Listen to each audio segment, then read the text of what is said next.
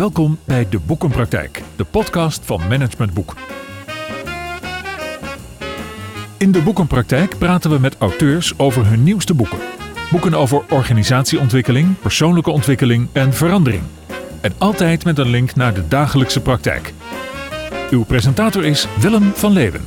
Waarom schrijft een mens eigenlijk managementboeken en hoe verloopt zo'n schrijfproces enerzijds?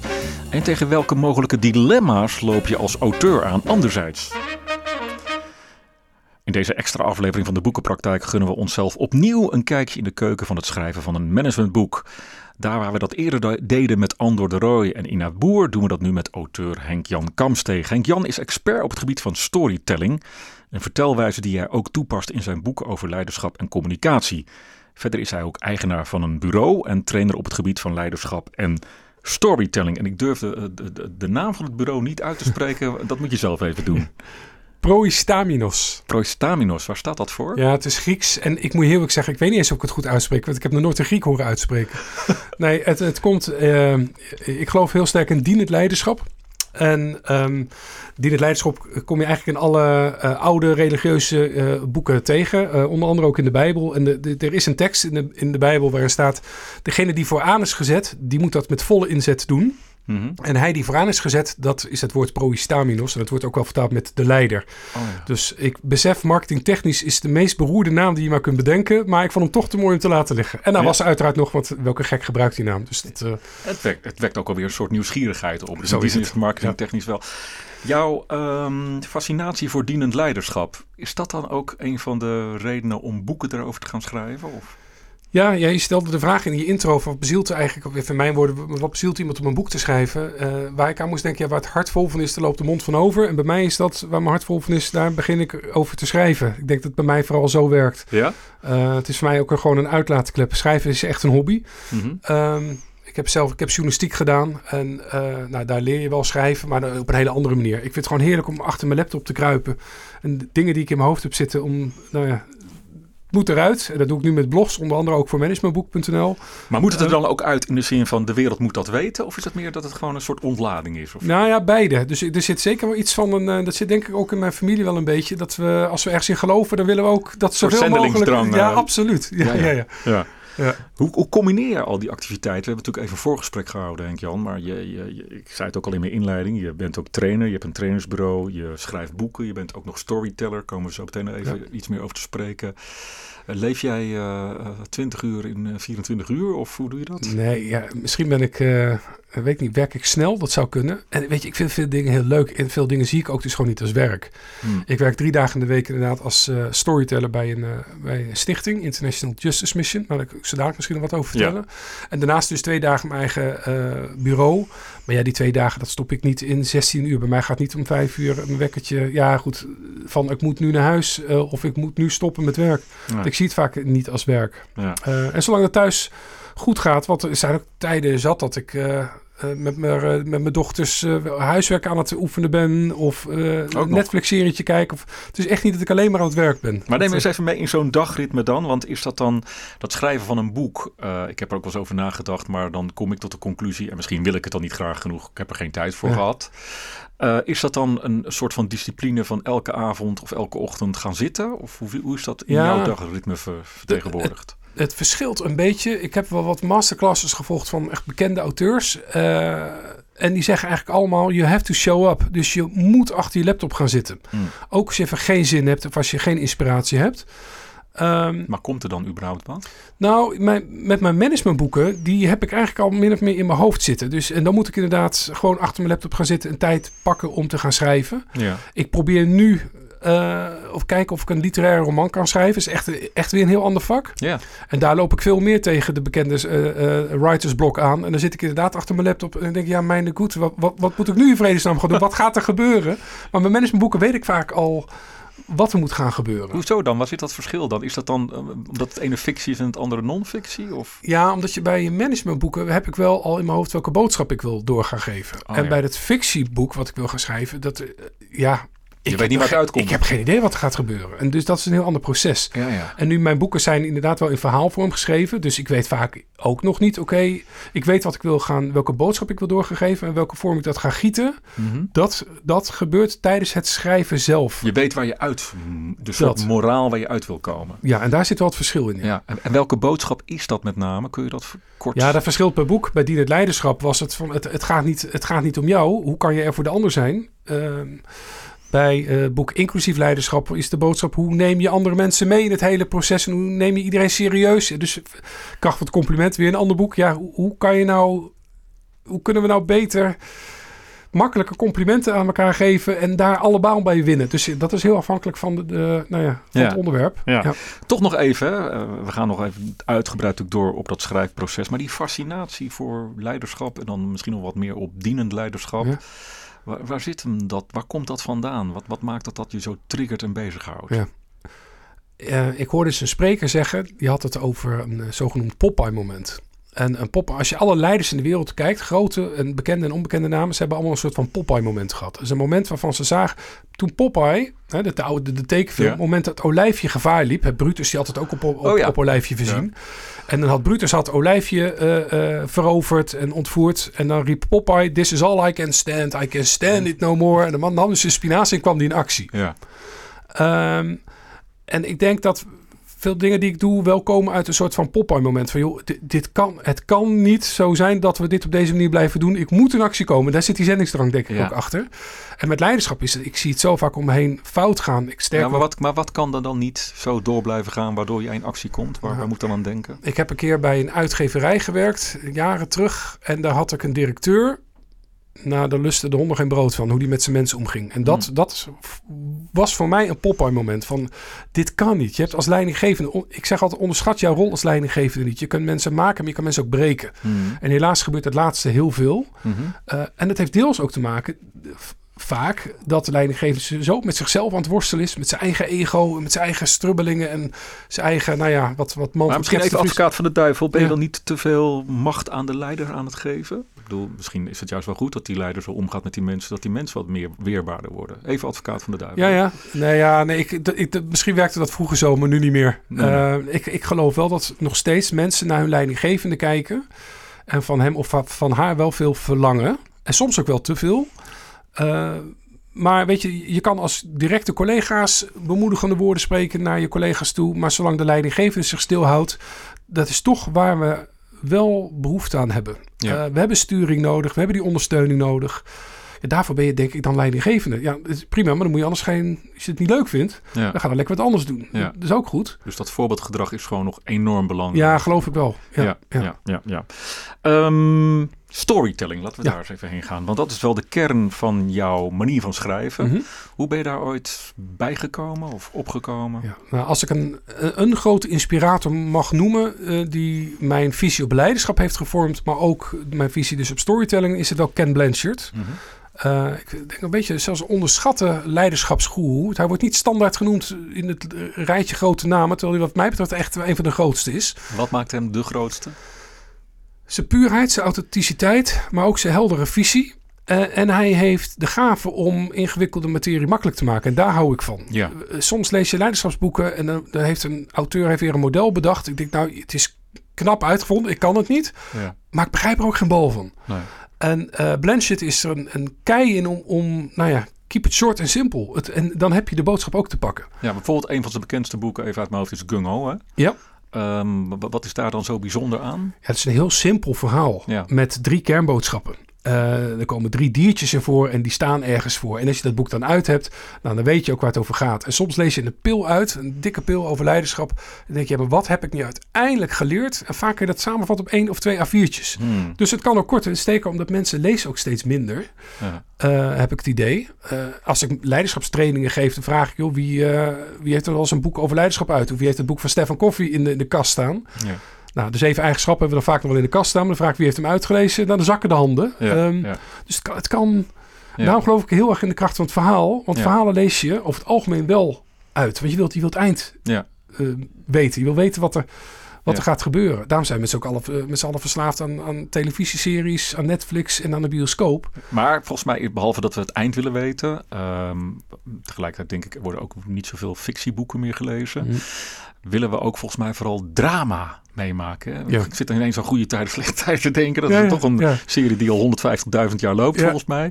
Dus is dat ook iets wat, wat dan terug moet komen, dat storytelling? Dat er een soort van, dat je je ergens mee moet vereenzelvigen? Of- Ja, ja, zeker. Er moet een, een, een verhaal zonder obstakel is eh, geen bal aan, om het zo maar te zeggen. Mhm. Ehm, dus als er geen probleem is wat opgelost moet worden, ja, dan haak je binnen, binnen no time af. ja. Dus een, een beetje goede film of serie, maar dus ook boek, die moet binnen no time moet je de lezer hebben of de kijker hebben, want er is een probleem. Oké, en nu vereenzelvig ik me met de held van het verhaal.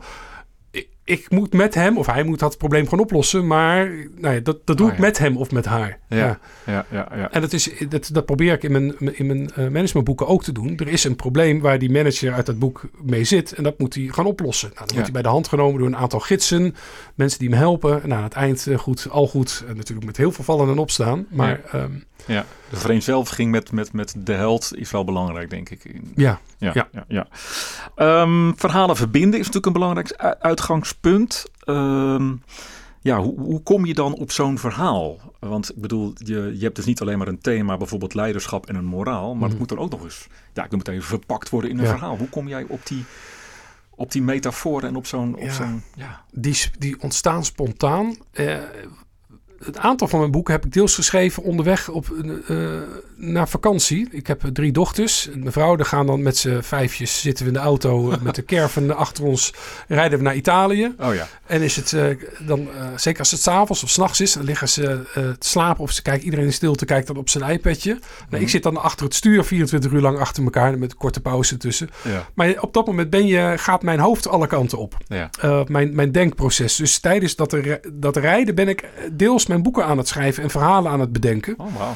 En dan is het een kwestie van, oh shoot, maar we zijn nu op vakantie. Eh wordt mij niet toegestaan om nu achter mijn laptop te kruipen. Dus dan moet je dat vasthouden. Of je maakt snel wat aantekeningen op je telefoon. Dus op het moment dat je weer thuis komt, denk ik, oké, nu, moet- nu kan ik gaan zitten. En, Ja, maar even helemaal in dat moment. Je zit in die Ja. auto, eh, het is nacht, stel ik me zo Ja. voor. De rest ligt lekker te pitten. Ja.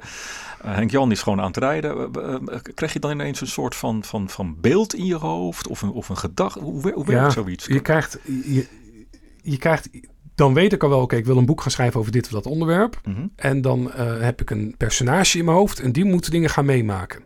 Ja, en dan komen de dingen bij je op. Eh, het laatste boek wat ik heb geschreven, eh, eh, Op weg naar een vitale eh, organisatie, daar wordt een, de hoofdpersoon wordt meegenomen door een mentor.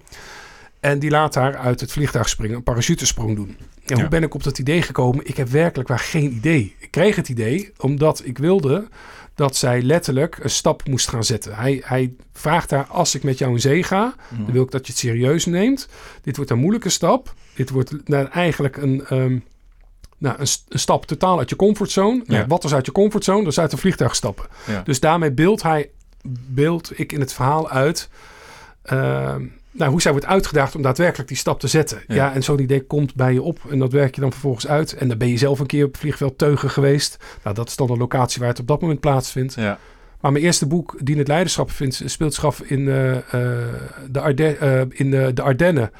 In een huisje waar vier vrienden, of drie vrienden, een weekendje weg zijn. Nou, dat, dat, daar, daar heb ik me laten inspireren, omdat ik daar zelf ooit met mijn vrienden ben geweest. Dus daar, dan speelt het zich daarom speelt het zich daar af. ja. Ontstond dat idee dan ook daar? Of niet? Nee hoor, nee, veel later pas. Of veel later. Ja, Ja, ja, ja. En moet je dan eh, bijvoorbeeld nog even terug naar dat parachutespringen, hè, uit een metafoor voor uit je comfortzone gaan, zeg je. Moet je dan dat wel zelf hebben meegemaakt, zo'n activiteit? Of, Nee, ik, ik, ik, ik- zo gek ben ik nog niet geweest. dus ik, ben, ik kan me een beetje voorstellen. De angst kan ik me iets meer voorstellen. Dus die heb ik wel beschreven. De angst die ze voelt. En ook de weerstand die ze voelt. Van ja, wat maak je me nou? Ik wil best dat je mijn mentor wordt. Maar ik wil niet dat je mij het vliegtuig laat springen.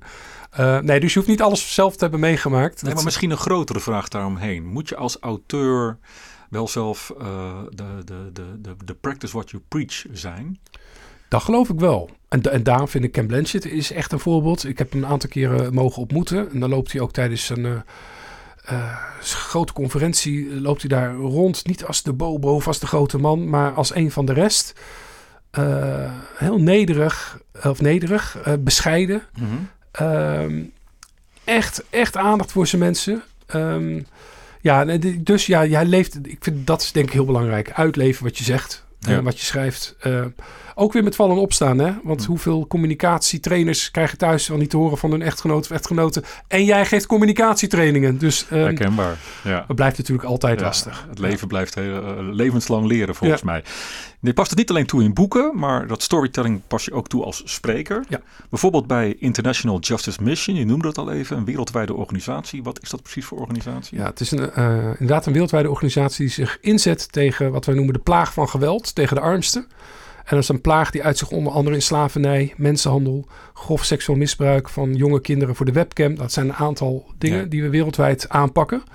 Aanpakken in de zin van aan de orde stellen? Of hoe? Eh, letterlijk slachtoffers bevrijden uit slavernij. Oh, Eh, dat, is- dat is een ding wat we doen. Dus echt met undercovers bordelen ingaan om uit te zoeken waar zitten hier de kinderen en die halen we weg. Maar dat Oh, doen we altijd met lokale autoriteiten.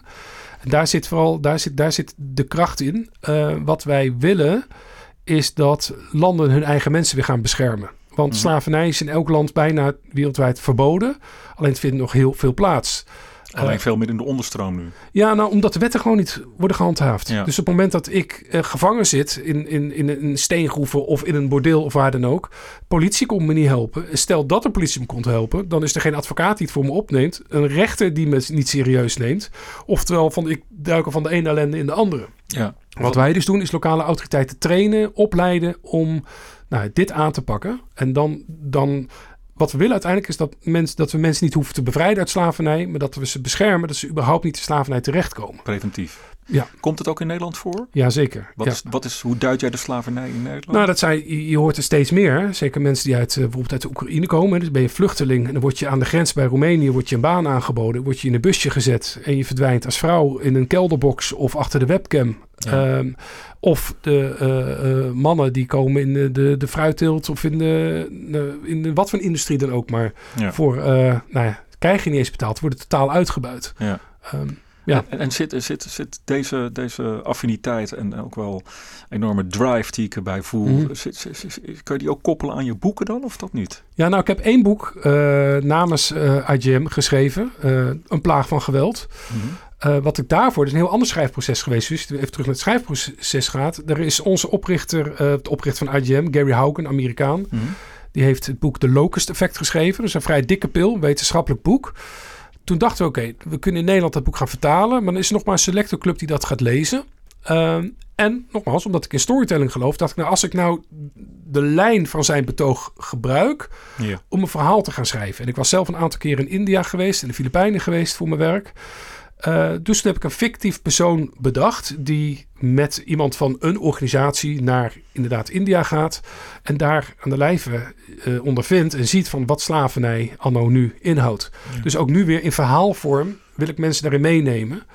Ehm, en te laten zien, ja, dit is wat slavernij inhoudt nu en dit is wat jij er tegen kunt doen. Dus ik wil mensen meenemen, heb je hem weer. Ja. Ik wil mensen meenemen in het verhaal. Ik wil, mijn doel bij IGM is dat ik potentiële donateurs, en het kunnen eh, mensen zijn die tientje per maand betalen of 20, maar ook major donors die 10.000 euro's eh, betalen, die wil ik de held maken van het verhaal in de strijd tegen slavernij. Mooi. Dat, mooi. dat is, Er zit wel iets activistisch ook in, hè? Om, om mensen vooral in beweging te brengen. het is weer dat Popeye moment.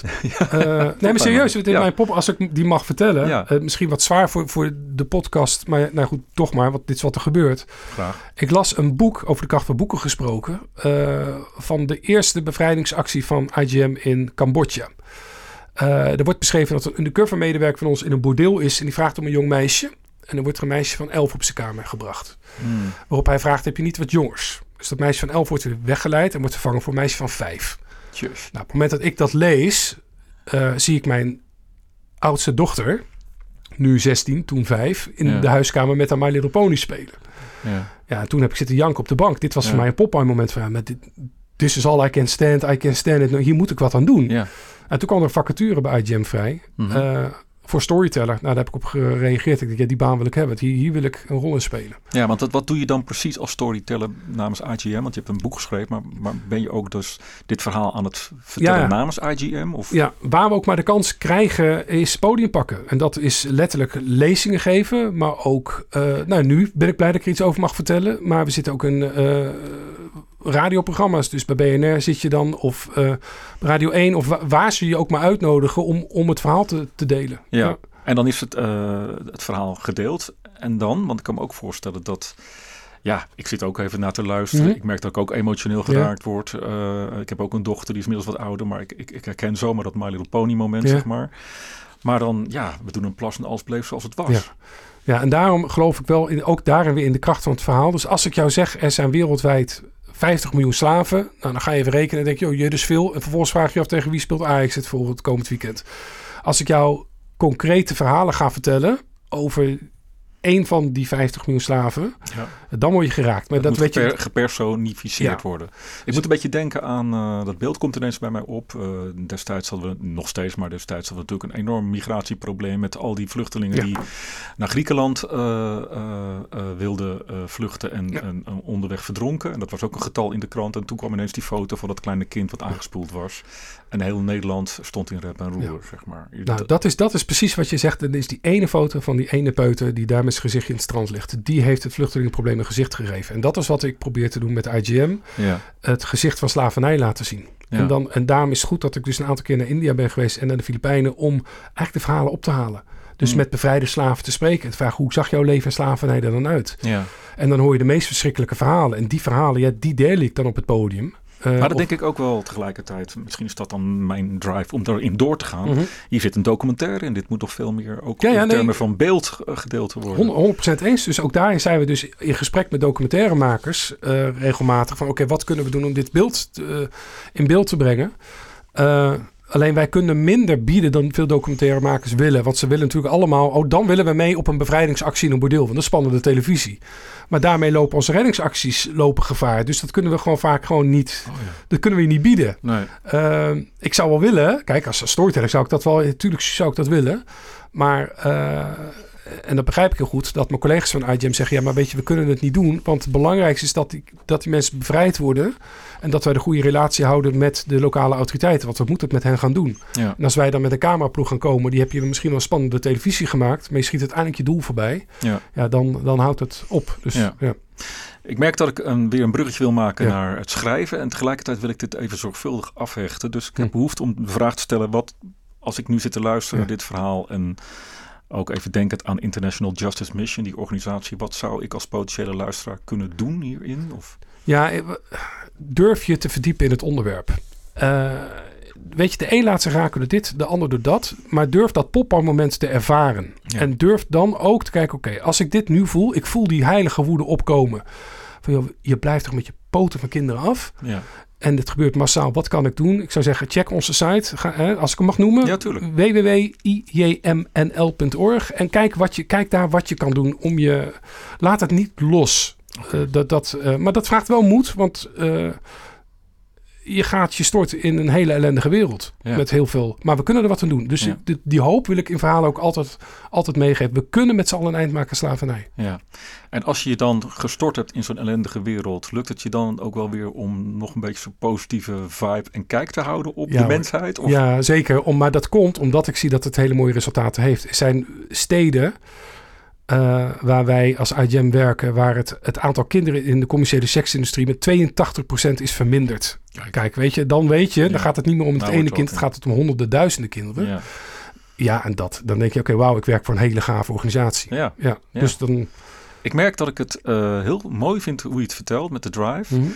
Het raakt me meer dan toen ik met al respect op de site keek. Toen dacht ik, oh, toen zal ik het wel te lezen, maar toen kwam het eigenlijk niet binnen. Nee. En nu het vertelt, denk ik, oh, ik wil ook wat meer doen. Ja. Zo. Dus dat, dat heeft wel effect, denk ja. ik. Je bent eigenlijk al een beetje aan het storytellen aan mij. Ja, maar ik hoop ook dat de site dat dat ook wel... Wat, we zien ook wel heel veel mensen wel via de site wel aanhaken. Mm -hmm. Maar nee, natuurlijk, het werkt, natuurlijk werkt het beter als je één op één gesprek hebt. Of dat je het verhaal hoort zeggen, dan dat je alleen maar op een site kijkt. Dat ja. ben ik niet eens. Even terug dan toch naar dat schrijfproces. Ik, ik, ik, ik, stap even met je mee uit de auto, uh, want je bent inmiddels aangekomen in Italië. Je hebt dat hele uh, verhaal misschien al in je hoofd bedacht. Mm -hmm.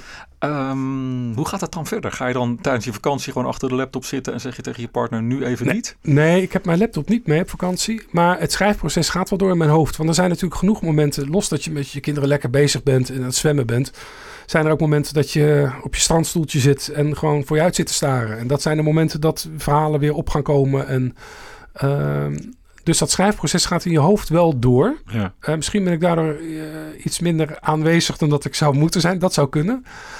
Um, en dan ja, thuis. En ik maak natuurlijk wel wat aantekeningen op mijn telefoon. Dus ik heb wat notities waar je even wat dingen opschrijft. Van dit zou kunnen of dit zou kunnen.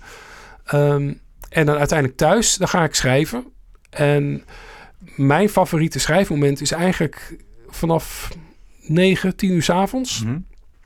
uh, dan is het stil in huis. Liggen de kids, uh, liggen de meiden lekker te slapen. Uh, ja, en dan vind ik het heerlijk om achter mijn laptop te kruipen en te gaan schrijven. Er zit alleen een gevaar in. De volgende ochtend gaat mijn wekker wel weer om tien over half zeven. Ja. Dus dan zit je, nou, op momenten zit je in je flow, dan zit je te tikken. En dan kijk ik op je horloge en denk ik, oh shoot, het is uh, één uur. Ik moet nu toch een keer gaan afronden, want mijn wekker gaat over zes uur. Of uh, sneller nog. Dus ja, nou, dan doe je die klep maar weer dicht en ga je naar bed toe. Ja. Um, en kan je dan wel, want ik kan me voorstellen dat dan nog helemaal de adrenaline in je, in je lichaam zit en nog alle Ja. gedachten door je hoofd gaan van... Aan de kant ben ik dan ook wel gewoon moe. Dus dan, dan, Oh, ja. dus dan slapen lukt over het algemeen wel.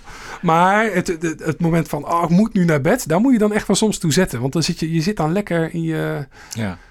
in je schrijfproces. Als je met storytelling aan de slag gaat hè, en je pakt bijvoorbeeld een thema als dienend leiderschap eh, in, in de vorm van een verhaal, um, heeft dat ook als effect dat je daardoor minder te maken krijgt met de kunst van het weglaten, omdat je gewoon in een verhaal zit? Ja, dat is een goede vraag. Uh, uiteindelijk zul je, moet je wel kiezen, want uh, ik probeer een aantal woorden aan te houden voor, voor mijn boeken. Uh, oh ja, gaat het echt op woorden aantal? Nou, je, je merkt op een gegeven moment wel, het wordt nu te veel. Of je gaat ja. uitgebreid. En uh, ik had een hele goede ja. uh, redacteur bij Business Contact van mijn eerste boek, zeker Dien het Leiderschap. Daar zaten drie hoofdstukken aan vast. En die heeft hij, er, die heeft hij eruit gehaald. Hij zegt, ja, ik begrijp je boodschap, maar het is voor, voor, het is voor nu te veel. Het zou eerder voor een vervolgboek zijn. Um, ja, omdat je, je hebt dan zoveel in je hoofd, die wil dan zoveel kwijt. Ja, dus ja. dan heb ik wel inderdaad wel een redacteur nodig. Zeggen, nou Henk-Jan, dat... En pik je dat ook als iemand zegt van uh, uh, die drie hoofdstukken gaan eruit? Zeker toen, want dat was mijn eerste boek. Mhm. Mm -hmm. uh, misschien ben ik daarna iets uh, eigenwijzer geworden. Nee, weet je, ik, het zijn gewoon hele goede redacteuren bij de Ja. uitgever. Dus Ja. de, daar, daar, daar vertrouw ik volop. Ja, ja. dat zijn leermeesters. Ja, en natuurlijk zijn er bepaalde dingen zeggen, ja, maar weet je, die, en dan moet je uitleggen, ja, maar ik geloof erin dat dit. Ja. Dan is dit nog de samenwerking met een, een redacteur van een uitgeverij. Je hebt ook boeken geschreven, inderdaad, samen met andere auteurs. Hè, zoals het boek Inclusief Leiderschap heb je geschreven met Ugur Özkan. Um, ja, hoe werkt dat Ja. dan, samen met iemand schrijven? Ja, met Oer was het weer inderdaad anders. Dat was mijn eerste boek die ik met iemand anders schreef. Uh, Oer ken ik nog uit de tijd van mijn boekpresentatie van Dien het Leiderschap. Dat is nu zo'n 10, 12 jaar geleden. En we hebben altijd contact gehouden. Hij vroeg mij regelmatig, uh, hij was interim directeur. Mm -hmm. Zij vroeg mij elke keer bij een nieuwe locatie, vroeg hij of ik uh, iets met Dien het Leiderschap wilde komen doen met zijn team. Ja. En toen kwamen we, het was vlak voor corona uitbrak, raakten we ergens in gesprek. En toen hadden we het inderdaad over diversiteit en inclusie. En toen kwamen tijdens dat gesprek kwamen het idee op, we moeten samen hier een boek over schrijven. Sterker nog, het zou een heel mooi vervolg op Dien het Leiderschap kunnen zijn. Hmm. Uh, dus de hoofdpersoon uit inclusief leiderschap is dezelfde hoofdpersoon uit Dien het Leiderschap. Okay. Alleen hij is nu een aantal jaren verder en een stukje Ja. wijzer.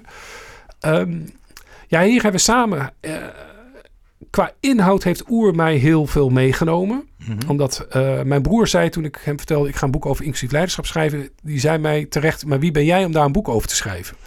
Ik ben zoals Joris Leijden zegt... Uh, uh, ja, ik heb de zes van de zeven vinkjes, Ja, dus ja. wie ben ik? Ja. Uh, Oer heeft andere ervaringen uh, en die heeft mij daarin meegenomen. Dus inhoudelijk heeft hij mij heel veel meegenomen. Uh, dan ben ik meer de schrijver van, van ons twee. Dus ik ben vervolgens daarmee aan de slag gegaan. Ja. En el hem elke keer weer meegenomen in dat proces. Kijken naar wat moet er, wat moet er anders. schrijf met me mee. Um, ja, dat is heel anders dan in je eentje boek schrijft. Maar is dat wel, um, want dat hoor ik er een beetje in, is dat wel een soort van vereiste dat je, als je met een co-auteur samen gaat schrijven, dat het iemand moet zijn die een bepaalde expertise toevoegt die jij nog niet hebt? Ja, want anders, ja. Kan je het wel alleen? Ja. Ja. En het is ook makkelijker alleen. Ja. Uh, want je hoeft minder te overleggen. En sterker nog, mijn boeken, uh, de meeste had ik al af. En toen heb ik ze aan de uitgever gestuurd. Ja. Van, hey, heb je interesse, zou je dit... Zou je, en dan, dan wordt er nog wat geschaafd. Dat vind ik fijner uh -huh. dan dat ik vanaf moment één met de uitgever aan het stoeien moet. Want dan, dan ben je alleen maar Ja. aan het... Ik wil wel mijn creativiteit loslaten en dan gaan we schaven. Uh-huh. Liever dat dan gedurende het proces al heel de tijd alles moeten uh, overleggen. En kan het wel, kan het niet. En, Ja. maar goed, Maar hoe, wat betekent dat voor de samenwerking met zo'n co-auteur? Ik bedoel, ik zit ook even te denken aan ja, uh, wat maakt uiteindelijk dat je echt kunt zeggen, nou, dit is echt een gezamenlijk product van ons. Oh ja, maar dat durf ik, dit boek is 100%. Dit hebben, dit hebben echt, ik had het boek niet zonder Oer kunnen schrijven. Mm -hmm. En ik denk Oer ook niet zonder mij. Dus ik denk dat... Wat voeg jij dan bijvoorbeeld toe aan dat boek?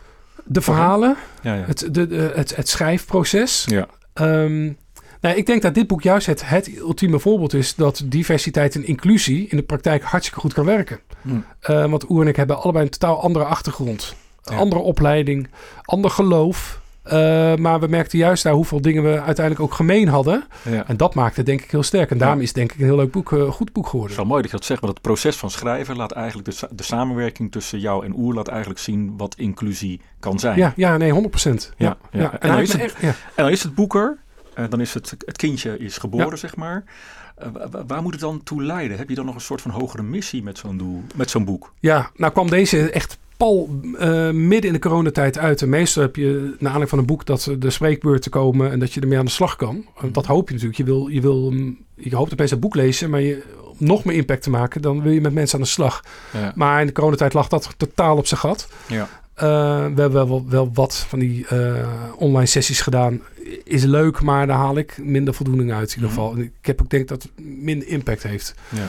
Uh, maar wat je hoopt is dat het wordt opgepakt. Er is in, sindsdien echt behoorlijk wat verschenen over dit thema, wat heel goed is. Mhm. Um, uh, dus ik merk ook wel dat het, dat het, en dit komt niet zozeer door ons boek hoor, helemaal niet. Het is een thema wat speelt. Uh, en een aantal auteurs die pakken dat op, gelukkig. En die, uh, nou, die willen bedrijven en overheden hierin verder helpen. Dat, dat is wat ik ook wil. Ja. Omdat ik geloof en dat, dat ik, inclusief leiderschap is heel lang een blinde vlek voor mij geweest op het moment dat ik met dienend leiderschap bezig was. En juist door de gesprekken met Oer kwam ik erachter in mijn verrek. Dit is zo'n wezenlijk onderdeel van dienend leiderschap. Mhm. Het had al lang in mijn boek over dienend leiderschap had het thema naar voren moeten komen. Ja, maar toch even die hogere missie, want die mis ik nog. Waar moet het dan toe leiden? Want ik snap, snap dat je zegt, Oh, dan wil ja. ik ook sp- spreekbeurten en lezingen houden. Maar Nou. waar moet dat dan toe leiden? Moeten wij, moeten wij weer... eh, ik hoor weer een beetje die zendeling. Ja, wij- zeker. Nee, we moeten mensen weer serieus nemen. Wie denken wij wel niet dat we zijn? Dat wij de wij, wijsheid in pacht hebben. Er loopt zoveel wijsheid rond. Ik zei, als ik een voorbeeldje mag noemen. Mhm. Weer bij IGM. Ik zit daar met drie mannen van ongeveer mijn leeftijd, tussen de 40 en de 50 jaar. Eh, zaten wij te vergaderen over hoe gaan we een bepaalde doelgroep. En die doelgroep waren vrouwen tussen de 30 en de 50 jaar. Hoe gaan we die bereiken? Zitten we met drie mannen dat te overleggen. Ja. Komt mijn collega, die, er staan allemaal ramen in, de- in, dat, in, die, eh, in die ruimte waar we zaten. Komt mijn vrouwelijke collega, de doelgroep, komt langslopen om koffie te halen. En toen drong het op mij door. Waarom zit zij niet bij ons aan tafel en loopt zij daar? Ze is notabene... Ja. Nou ja, dat. Dat, ja. ja. Eh, dat hoop ik met het doel te bereiken. Haal mensen erbij. Het, het is goed. Het- je, je bedrijf wint erbij. De, eh, de anderen winnen erbij. eh, je klant winnen erbij. ja. Nou, dat, is, dat is de motivatie om met dit, met dit boek aan de slag te zijn. Is dat gegaan. misschien ook wel een soort hogere missie van jou, die inclusie? Want dat, dat hoor ik ook wel terug in dienend leiderschap en in je, je, je, je Ja. missie die je hebt met, met, met samenwerken met AGM. Ja, ik, ik- ieder- iedereen is even waardevol. Iedereen, iedereen is belangrijk. En eh, ik hoop dat we dat als leidinggevende, als bedrijven, als, eh, dat we dat tot in onze tenen voelen en dus iedereen ook meenemen. Ja. Ja. En dat geldt, nou, dat, dat, dat doe ik bij IGM ook. Al, al die mensen die slavernij worden vastgehouden, ze zijn geen cent minder waard dan wij dat zijn. Uh, Mm. alles behalve. Laten we iedereen een kans geven en meenemen. Ja. Ja. ja. Je hebt eh, nu gekozen voor een, eh, een, een, een, een fictieboek, een roman. Waarom eigenlijk? Ja, omdat ik denk dat. Ik hoop, laat ik het zo zeggen, dat ik daar in, daardoor de lezer makkelijker meeneem in het verhaal. En het is anders. Ik lees voor managementboeken bijna wekelijks een boek over leiderschap of storytelling. En de meeste boeken zijn niet in een verhaalvorm geschreven. Er komen wel verhaaltjes in voor, maar uh, Vind je het ook taaier om dat dan te lezen? Zo'n boek wat niet in ja, ik niet. Ik, ik, ik, ik hou wel van lezen, maar ik merk het wel bij mijn uh, deelnemers van trainingen. Ja. Dat ze, daar hebben ze het over een bepaald boek. Ja, oh, ze kwamen er allemaal, ze kwamen er niet doorheen. Ik, nou, volgens mij viel het nog wel mee. Maar en dan geven ze een, een, een van mijn boeken mee. En het is niet om mij, maar om het, Mhm. omdat het een andere stijl is. Ja. En dan komen ze na een paar weken terug. Oh joh, ik had je boek in twee avonden uit. Ja. Terwijl, nou ja, dat is dan misschien het derde boek wat ze eens een beetje in hun leven gelezen hebben. Dus ja, nogmaals, ik geloof enorm in de kracht van het verhaal. Ja. En dat daar dan nog een boodschap in zit. Ja, dan hoop je dat die nog wordt opgepikt. En even voor de vaste luisteraar van de boekenpraktijk. Henk Jan recenseert ook boeken voor de boekenpraktijk ja. in de vorm van de boekentip die we af en toe laten horen in, uh, in onze podcast. Um, tot slot. Ja. Uh, ik zit te luisteren En ik denk, ik wil misschien ook wel een boek gaan schrijven. Maar tegelijkertijd ehm, leven we ook in een maatschappij waarin eh, lezen steeds minder sexy is. Mhm. En er wordt steeds minder gelezen. Heb je een tip? Voor de schrijver? Ja? Ja, nou, la- laat ik dan toch even terugkomen naar een Popeye moment. Heb jij iets waarover jij je opvindt waarvan je zegt, ja, hier wil ik mensen in meenemen.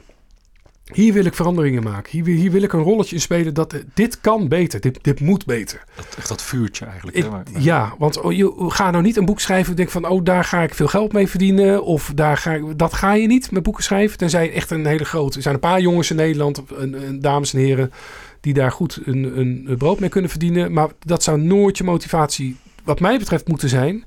Heb je een boodschap? En daar begint het mee. Ja, en dan moet je. En die authenticiteit hoor ik erbij. Dus Ja, dat ja, je er ja. ook echt iets mee hebt. En niet alleen maar van ik wil ze een boodschap de wereld insturen. Nee, nee dat, dat, dat, dat prikt iedereen, denk ik, eh, zeker met storytelling, dat, dat prikt iedereen direct doorheen. Dankjewel. Henk Heel graag gedaan, dankjewel. Dankjewel. Henk-Jan Kamsteeg, eh, al zijn boeken zijn natuurlijk eh, via onze site managementboek.nl te verkrijgen. En dankzij jou hebben we weer een mooi kijkje gekregen in eh, de keuken van boekenschrijf. Maar ook wel weer een beetje in, in Popeye. Die was ik, die was Ja, ja, ik alweer een klein beetje vergeten. Ik wijs jou als luisteraar van deze podcast heel graag weer naar de volgende aflevering. eh, die is over twee weken weer op alle grote podcastkanalen te vinden zal zijn. Alhoewel, omdat dit een extra aflevering was over het schrijfproces, eh, kun je volgende week volgens mij alweer terecht voor een nieuwe aflevering van de Boekenpraktijk. Hartelijk dank voor het luisteren eh, naar deze aflevering van de Boekenpraktijk. En heb je vragen, opmerkingen of suggesties? Mail dat dan SVP naar info.managementboek.nl Tot zover de praktijk van boeken. Kijk voor meer afleveringen of een abonnement op de boekenpraktijk op managementboek.nl/slash podcast. Je vindt ons ook op Spotify, Apple Podcast, Google Podcast en Podimo. Hartelijk dank voor het luisteren en graag tot de volgende podcast.